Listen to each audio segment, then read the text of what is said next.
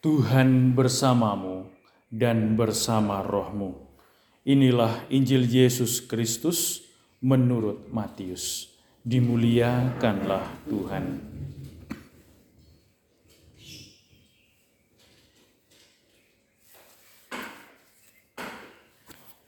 Pada suatu hari, Yesus membentangkan suatu perumpamaan kepada orang banyak.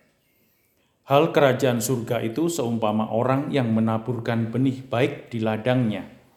Tetapi pada waktu semua orang tidur, datanglah musuhnya, menaburkan benih lalang di antara gandum itu, lalu pergi. Ketika gandum tumbuh dan mulai berbulir, nampak jugalah lalang itu. Maka datanglah hamba-hamba tuan ladang itu dan berkata kepadanya, Tuan, bukankah benih baik yang Tuan taburkan di ladang Tuan? Dari manakah lalang itu? Jawab Tuan itu, seorang musuh yang melakukannya. Lalu berkatalah para hamba itu, Maukah Tuan supaya kami pergi mencabuti lalang itu? Tetapi ia menjawab, Jangan, sebab mungkin gandum itu akan ikut tercabut pada waktu kalian mencabut lalangnya. Biarkanlah keduanya tumbuh bersama sampai waktu menuai tiba. Kumpulkanlah dahulu lalang itu. Pada waktu itu aku akan berkata kepada para penuai, kumpulkanlah dahulu lalang itu, dan ikatlah berberkas-berkas untuk dibakar. Kemudian kumpulkanlah gandumnya ke dalam lumbungku.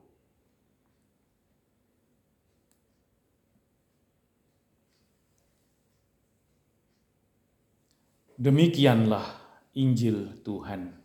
Terpujilah Kristus. Para saudara terkasih, di antara banyak ungkapan kerahiman Tuhan, ungkapan kerahiman Tuhan ini yang paling luar biasa menurut saya. Kenapa? Karena memberi kesempatan lalang itu hidup bersama dengan gandum. Ini kan berbeda banget dengan apa yang biasa kita lakukan. Kita cenderung mengungkapkan kekuasaan kita. Aku benar, kamu salah. Cenderung mengungkapkan apa yang baik dalam diri kita.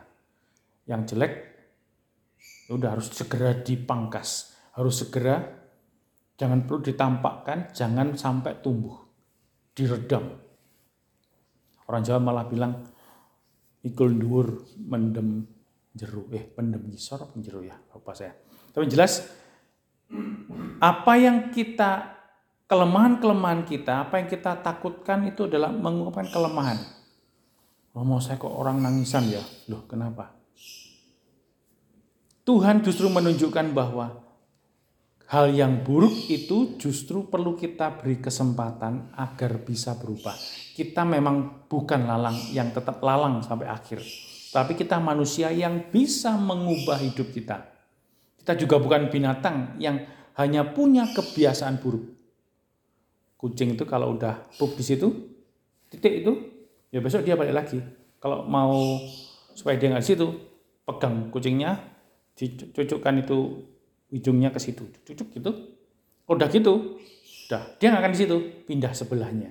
Di situ lagi. Nah, lama-lama dia perlu belajar untuk mengetahui akan kesalahan itu. Tetapi kalau manusia punya namanya daya refleksi. Tidak perlu saat itu, tetapi kita mengingat apa yang kita buat. Lalu kita merenungkan, iya benar atau salah ya. Titik itulah yang penting agar kita mampu mengetahui apakah kita sedang menjadi lalang atau menjadi gandum yang bisa nanti kita pertanggungjawabkan. Nah, persoalannya cuma satu, apakah kita mau menerima kelemahan, kekurangan, keburukan kita, lalu berbekal dari situ kita mengolah.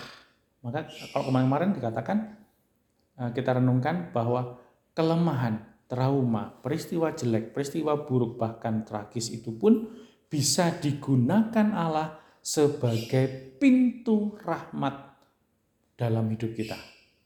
Lalu seperti yang saya tadi, Kalau kita mengembangkan apa yang lemah, apa yang kurang, apa yang jelek dari dalam hidup kita, bukan dikembangkan makin makin jelek, makin buruk, bukan, tetapi diubah menjadi hal yang baik, tahu di mana Tuhan itu berkarya, maka pengalaman-pengalaman buruk itu akan menjadi pintu-pintu rahmat yang bisa membantu orang lain bahkan menemukan hidupnya, mengembangkan hidupnya.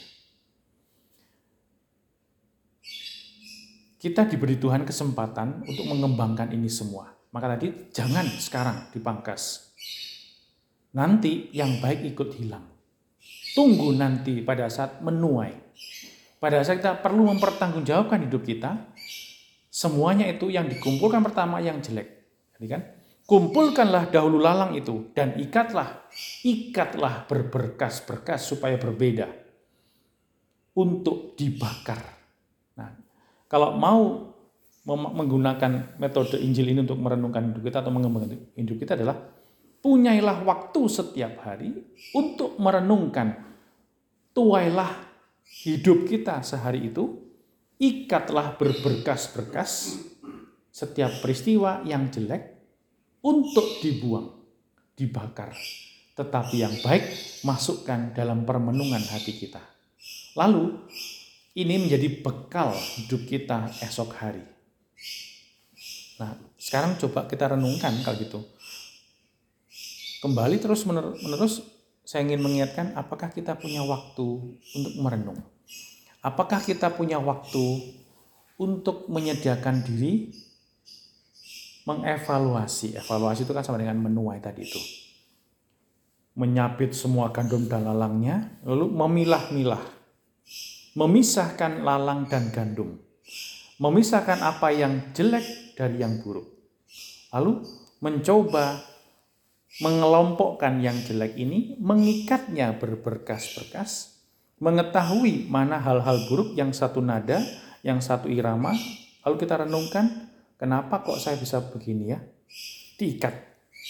Supaya tidak berkembang dia. Diikat lalu dibuang, dibakar, disingkirkan. Sisa yang baik, sisa apa yang sudah baik yang kita miliki, yang kita anu, yang kita lakukan, dikumpulkan masuk dalam hati. Besok untuk hidup mengembangkan hidup kita Benih yang baik ditaburkan kembali supaya berkembang menjadi yang baik. Apa yang baik perlu kita teruskan, bahkan kita kembangkan.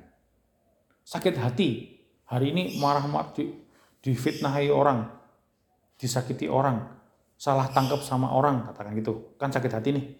Nah udah, kalau sudah begitu, sakit hati sama pasangannya, sakit hati sama anaknya, anaknya sakit hati sama mamanya, Udah penghujung hari itu merenung.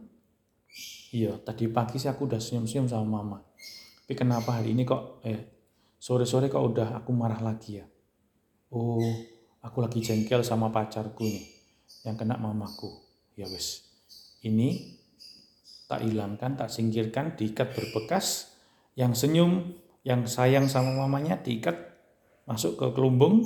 Besok, nah ini, besok aku mau coba tersenyum kembali, menyapa kembali orang yang sudah kusakiti.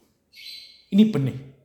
Benih yang ditanam, ditanam di dalam, kita keluar dari lumbung kita, kita tanam, kita niatkan untuk besok bisa berkembang, ditabur. Bisa untuk kita tabur, sehingga tertanam dalam tanah. Para saudara kasih, coba kita renungkan kembali langkah-langkah ini? Apakah kita mau mengikuti langkah-langkah semaian, penyemaian Tuhan, penuaian Tuhan, lalu disemaikan menjadi benih-benih yang baik dalam hidup kita. Coba kita merenung sejenak, semoga hari ini kita punya waktu untuk menuai apa yang sudah kita buat, lalu memisahkan, mengikat berberkas, membuang dan memasukkan.